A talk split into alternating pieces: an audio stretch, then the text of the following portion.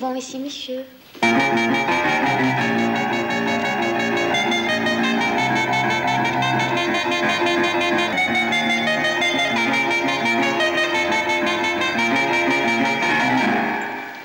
Kapanaga.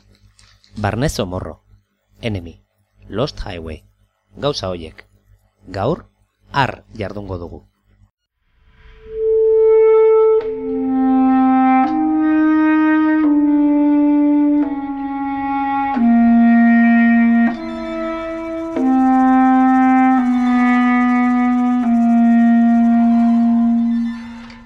Enemy ikusi dugu. Eremuz kanporako, ustez, ikusten ditugun filmen eran. Aitzakia bat bilatuta. Gutakoren batek, zerbait entzuna, edo ikusia, edo usaindua duelako eta oroitu duelako. Edo norbaitek gomendatu digulako. Edo besterik gabe, egungo interneten saltza nahasi horretan, zerbaitetan zerbaiten oihartzuna topatu dugulako. Aitzakiaz, aitzakia.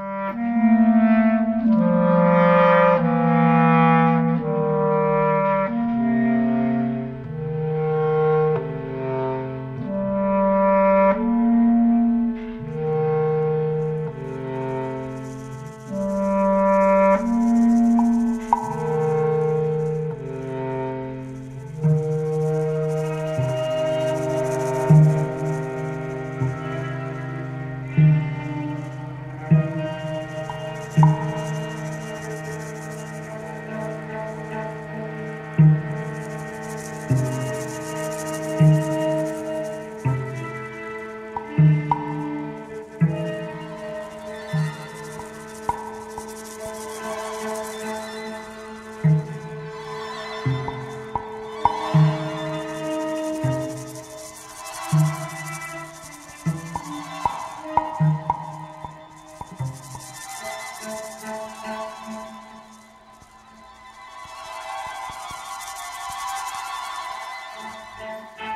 kapanaga, otxandioko aztia zioen igore lortzak, gure Sokrates gontzal mendibilek.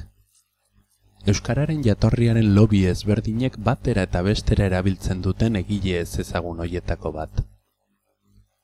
Orion edo Atlantisetik otegatu zen eztabaidatzen hasteko inolako gogorik ez dugun arren, kapanagak bazioen zerbait gure ustez oso zentzuzkoa. Euskara, euskaratik aztertu beharko genukela, ez erdaretatik. Eta planteamendu horri jarraiki, hizkuntzaren misterio eta mirariak jostari eta barne zomorro argitaletxekoen erortzeko edo idoloak akatzeko grina berarekin ekin zion bizitza osoan. Teoria, ero, emaitza zalantzagarri eta independentzia osoz.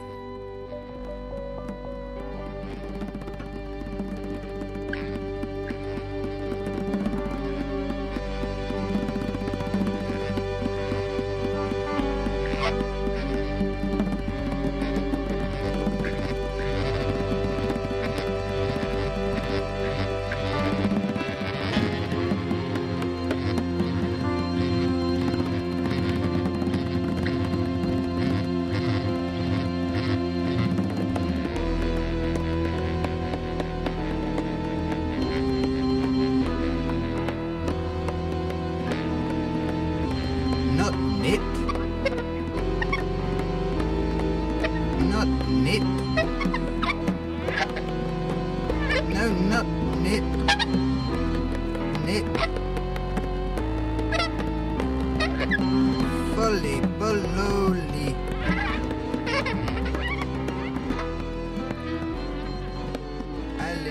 mailada. Bigarren multzoko izatasun erroa. Ar, ur. Euskararen misteriorik handiena eta argitzeko gaitzena hause dugu. Oinarrezko ditugun ahoski bakotsak berez eta bakarrik zentzu arlo bakotsa, izatasuna, inketa egintza edo getasuna osoan eta guztiz adierazten zigula. Eta bestetik, zentzu arlo horietako bakotxean hiru ahoski ageri genituela. Zeregin berdina betetzen eta bata bestearen leia. Multzo honetan bikoiztasuna dago. Ar ahoskiak arraren edo hartasunaren zentzua du bete-betean. Eta ur ahoskiak urruzarena, emearena. Suaren arloan, arra oskiak al eta az, as, as formak ere hartzen ditu. Eta berdin, ur ahoskiak ere. Beste fonema batzuekin batzean, aldaki forma asko hartzen dute. Ug, ud, uz, ad, eta abar. Ardagai, jeska, atondura, ardagai, arda, sua, ardai, tea, atondura, argai, aditza izan adirudi, arba, leña con hojas secas, arrapiztu, encender, resucitar, atondura, arra, piztu, arau, pala de horno, hierro para usar borona, gar, llama, galda, fundición, metal candente. Argiaren arloan ere, ar ahoskiak, al eta az, as, as, formak ere hartzen ditu. Eta berdin, ur ahoskiak ere.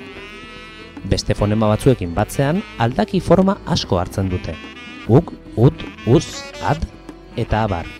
Argi, luz, atondura, ar, gi.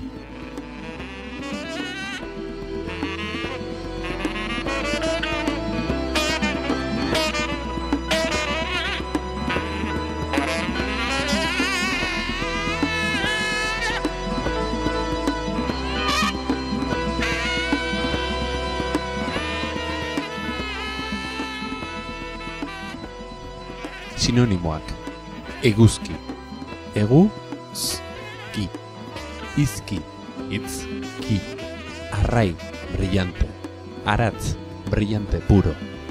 Altatz eta aratz gauza bera. Ara, a, tz. Argitasun handia. Alatz, milagro. Arratx, parte de la noche, del anochecer a medianoche. Atondura. Ar, atze argiaren atzetik datorrena. Artizar, estrella matinal, arge, eklipse oskuro. Gia oskia dagokion izakiarekin izatetik zerbait, zati bat edo izakera bat adierazten digu. Oioki, oioaren, urdeki, urdearen, emeki, emearen bezala.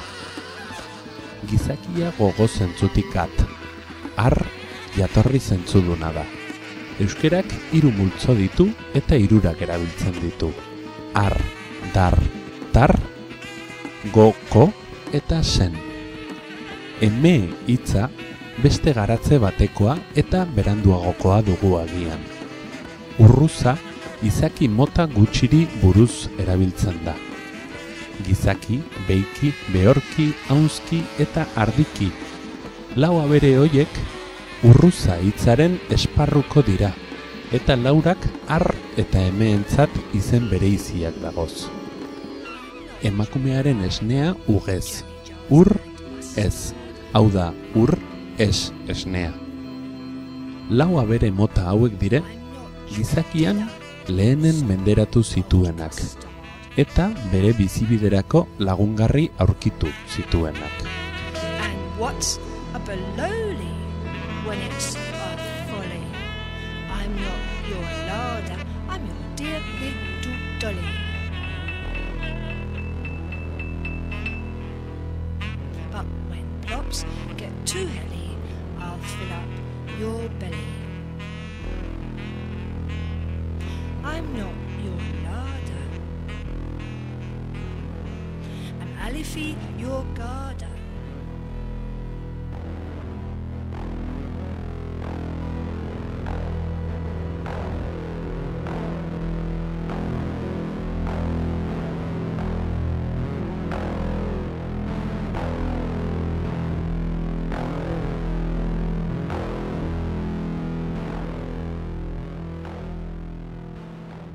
Euskal Jainko izenetan eta gutxi asko estalirik ar eta ur ere baditugu. Jaun, jabe, jainko, egu, urtzi, urritz formaren itzulik eta agian. Bi hauek bikote zentzu batekin erabiliak direla dirudi. Jainkoa ere bikote bezala zen, ar eta emea.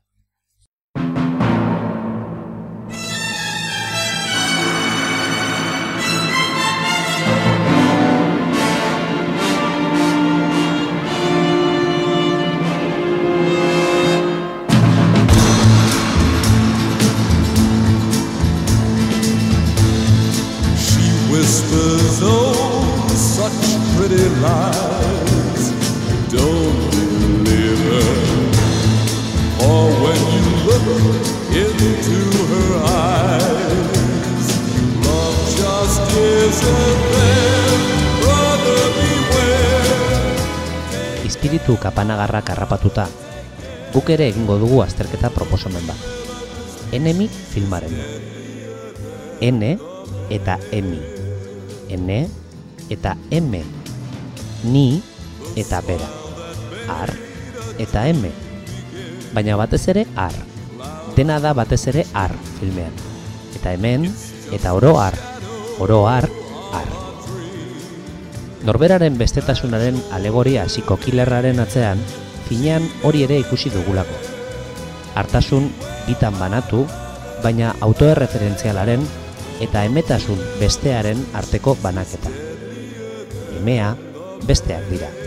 Bilenefen ispilu hautsiak erakusten duen irudia, Gyllenhaal, guretzat beti izango zara doni darko, Jake, errepikatua da. Ar bikoiztua. Normaren bi irudi. Adam Bell eta Anthony Clark.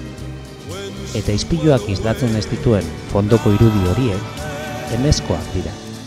Abizenik gabeko, Mary eta Helen. Enemy. Eneme. night comes, sitting in places that you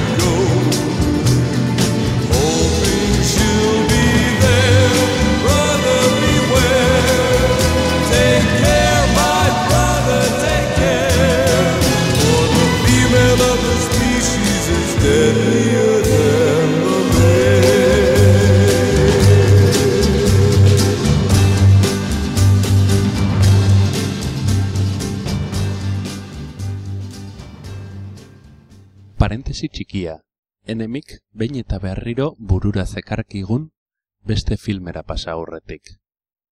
Parentesia, oi ditugun irakurketen artean ere. Oi ditugun protagonisten artean. Inigo basaguren duarteren erori liburutik ateratako pasartea da, honako hau. Pustarri bilduma.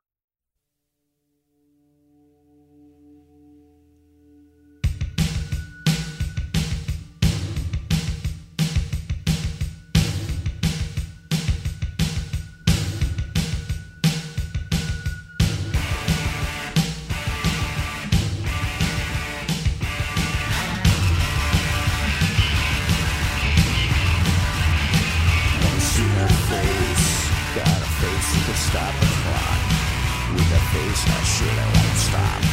To look her in the eyes, her mind's free, like she is seventeen. She's still so close to my reach. Bere barruan isuri egin dut.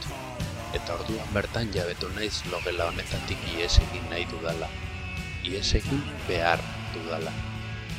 Beti berdin. Badakit, isuri ondoren atrakzioa usteldu egingo dela. Hil, betiko desagertu. Badakit, lehenengo aldia ez delako. Badakit beti berdina gertatzen zaidalako. Ordu batzu lehenago, tabernako musika guzten zigun heinean, nire hitz eta esaldi kalkulatuak xuxurlatu dizkiot. Pasioz, interesez eta zintzotasunez mozorroturik, ostasuna nabaritu etzeden. Bere begi beltzetara zuzen begiratu diot. Momentu batez sorgindu nauten begietara. Hori ere ilusio bat zen. Aragi goseak sortutako ilusioa. Espainiak ez zetu ditut. Mingaina gainetik zehaztasunez igaroz. Bere begirada erakarri dut nire Espainetara. Nik bereak suabeki aginkatzea desiatzen nuen modu berdinean. Beste ilusio bat, jatunkeriak sortutako gozea.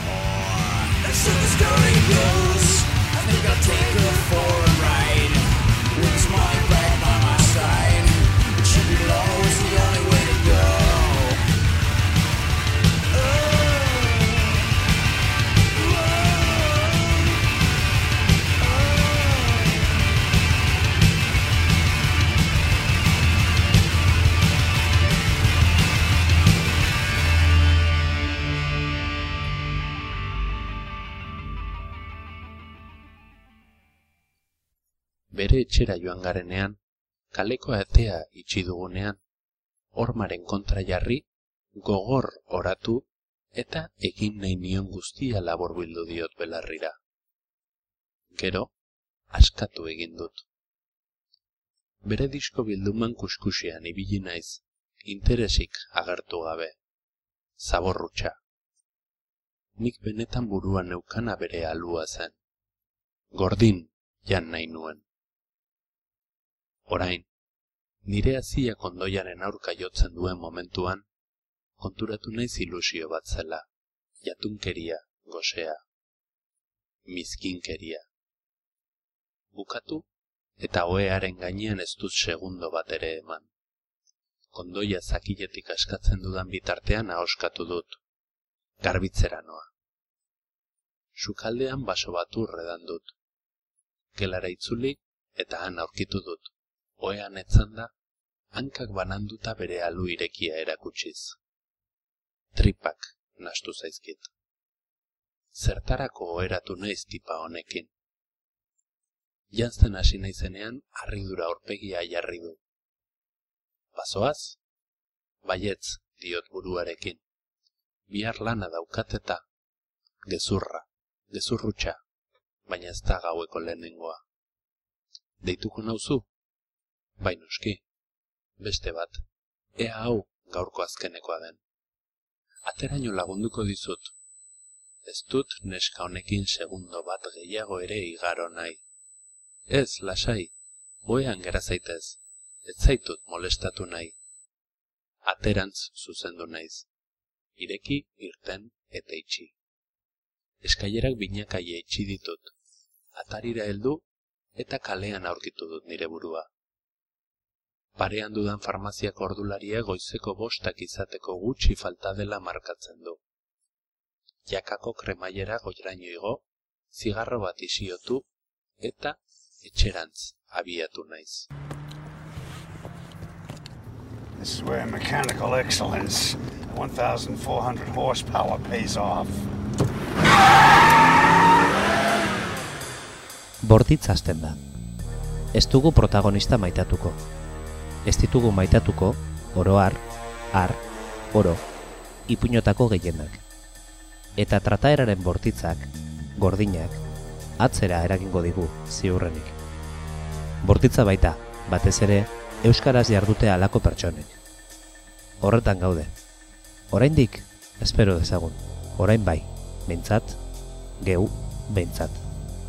Filmei aitortzen diegu hori egin ahal izatea. Gehiago Amerikarrak, ala Espainiarrak, urrunak badira.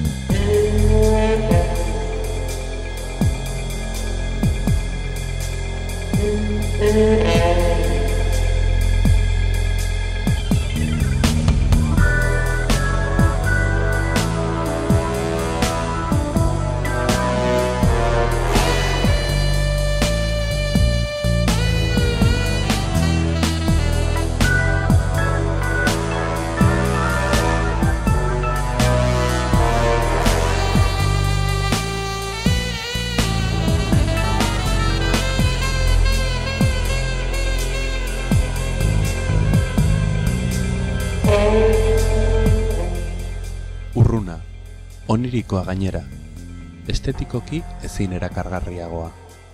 Gure film kutxunenetakoa arraioa. Enemi, baina ongi, esan dezakegu.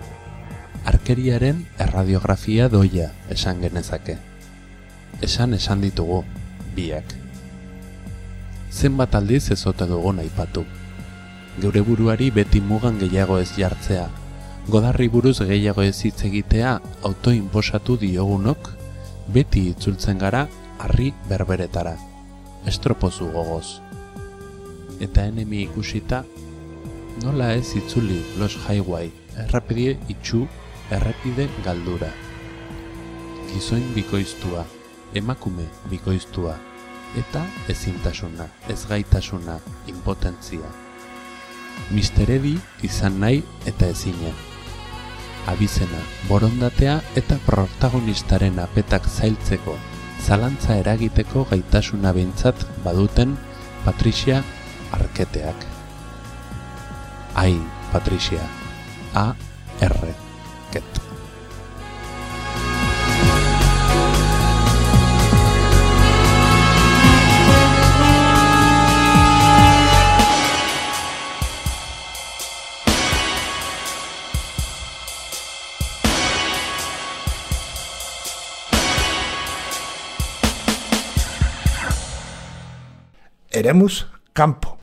Vous venez souvent ici, monsieur